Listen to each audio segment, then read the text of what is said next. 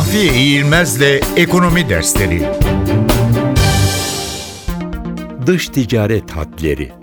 Dış ticaret hadleri ihracat birim değer endeksinin ithalat birim değer endeksine bölünüp çıkan sonucunun 100 ile çarpılmasıyla elde edilir.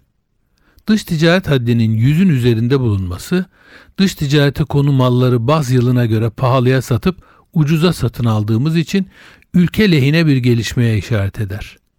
Dış ticaret haddinin 100'ün altında olması ise dış ticarete konu malları baz yılına göre pahalıya alıp ucuza sattığımız için ülke aleyhine bir gelişmeyi gösterir.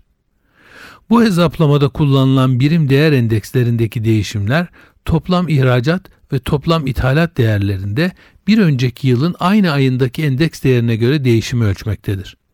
Dış ticaret verileri dolar üzerinden hesaplanıp yayınlandığı için dış ticaret haddi hesaplamaları da dolar değeri üzerinden yapılır.